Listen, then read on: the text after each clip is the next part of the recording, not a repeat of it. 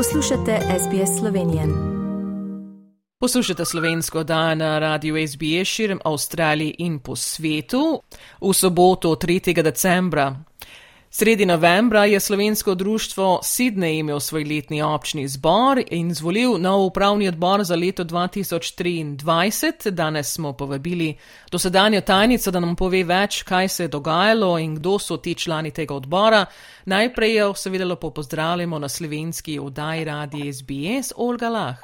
My greetings, Tanya, to you and to all the listeners of this program. And thank you for the opportunity again to speak to your listeners. Lep pozdrav tebi, Tanja, in vsem poslušalcem tega programa.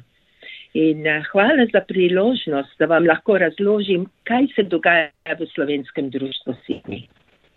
As I mentioned in, in the introduction, the uh, annual general meeting was held on the 13th of November. Tell us a little bit more about how that went and who are the uh, committee members for 2023.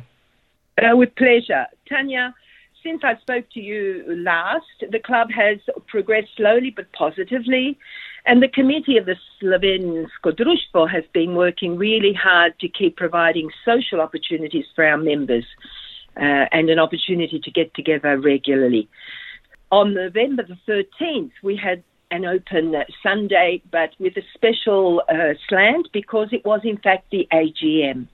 And uh, the nine current members of the committee renominated for the same positions they had held currently. Uh, there were no additional nominations uh, received by the due date, so the existing committee was re elected for 2023. Tanya, I don't need to tell you that this was a very welcome outcome. Uh, and that is because it indicated to us, the committee, that members are satisfied with the work of the current committee. And the committee members who are skilled and understand the legal challenges facing the club were retained for another year. So, uh, a, a very positive outcome. Uh, I'd like to introduce to you again and remind you who the committee from 2023 will be. Firstly, our president, Anthony Tomasin, a very talented and a very good leader for our committee.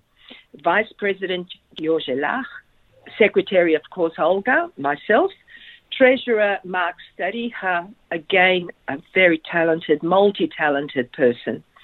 And then we had an ordinary committee members, uh, Alfred Brezhnik, and we all know Al- uh, Freddie very well, uh, an invaluable member.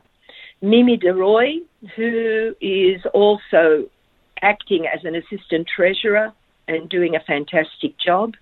Lynn Pushenyak, who assists me in secretarial duties, long-time member and, and very talented.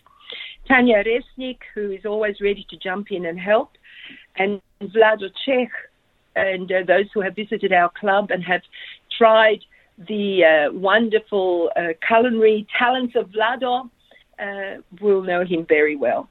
A great team uh, who is working really hard for the club in the and will work hard for the coming year.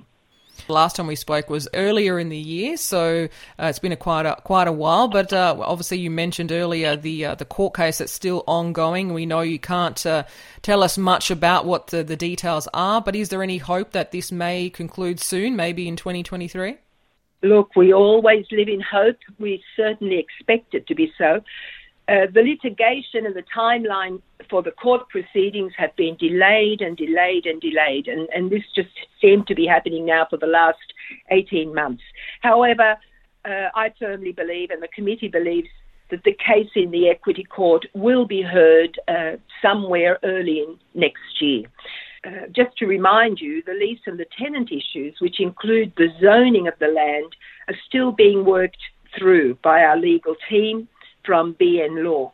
the progress in the court's timetable has been slow, and I can tell you, Tanya, our patience has been tested. In such court matters, unfortunately, not all information can be made public. I think your listeners will understand this. But some information is also very sensitive, and we can't share it without our lawyer's permission. But I do want to point out a few very important things. Uh, since I spoke to you last, Tanya, much legal work has been done in the background in preparation for the court hearing that we expect will be early next year. The tenant has filed with the court a number of affidavits, uh, which are statements from witnesses that support his case. Uh, and our legal team has filed affidavits from our side in response to their claims. And, and I want to highlight the wonderful support and uh, help that has been given to our defence by many members and previous committee members. The affidavits are honest and very interesting, and I hope they will go a long way to support our claims. Uh, I can also tell you that in recent weeks there has been some interest and unfortunately unsuccessful attempts to negotiate a settlement with the tenant prior to the court hearing. And the reason we, we try to have uh, some sort of negotiation is because outcomes in complex court cases such as ours are unpredictable. Uh, and there are never any guarantees of what that outcome will be. But uh, we as a committee are confident that we will be able to put the club in the best possible position to defend the tenant's claim. Uh, and we are looking for every possible solution to the problem. You know, Tanya, uh, it becomes very clear what the challenges are that are facing our club. But I do want to point out that the challenges would be hard to face and bear if the community, if our people were not so supportive of our work. Because this wonderful support, I think, is, is the motivator. It motivates the committee to keep doing their voluntary work day in and day out for the good of the Slovenian community can I point out that nearly for, th- for nearly three years, the club has been run by volunteers. There has been no, not a cent paid to any bar staff or any kitchen staff. Everything is done on a voluntary basis. Our team is, is remarkable, and we want to thank the volunteers for their generosity and their community spirit, because without this community spirit, we will get nowhere we need that support. We need that love of the Slovenian community. You know, Tanya, as the saying goes, the slogia moč, there is strength in unity, and we are all united in this effort.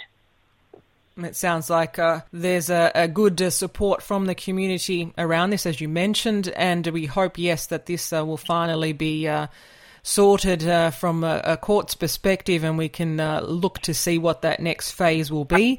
The uh, next Sunday, I believe, the 11th of December, will be your next open day, and I think it's the last one for this year. What's on the menu? And, and I believe you'll also have some live music again. Absolutely. Look, the future, we will continue to battle for the club. And we cannot forget the 65 years of hard and voluntary work that our parents and grandparents had put in, invested into this club. We will do everything to protect the assets, but we will also do everything we can to keep those doors open, regardless of the difficulties we are facing, because our members deserve to enjoy the fruits of the work of our predecessors. So we will continue regardless, Tanya. We will have our open Sundays where our members can get together, have wonderful uh, opportunities to socialise, reminisce, enjoy our Slovenian music. And yes, the 11th of December, please mark that day in your diaries. The 11th of December will, in fact, be an open Sunday with wonderful music from the Masters. And it is, in fact, the last open Sunday for 2022. So we really want to have a full hall full of people ready to uh, maybe enjoy each other's company before the busyness uh, of the Christmas season begins. May I take this opportunity to wish our members a wonderful Christmas.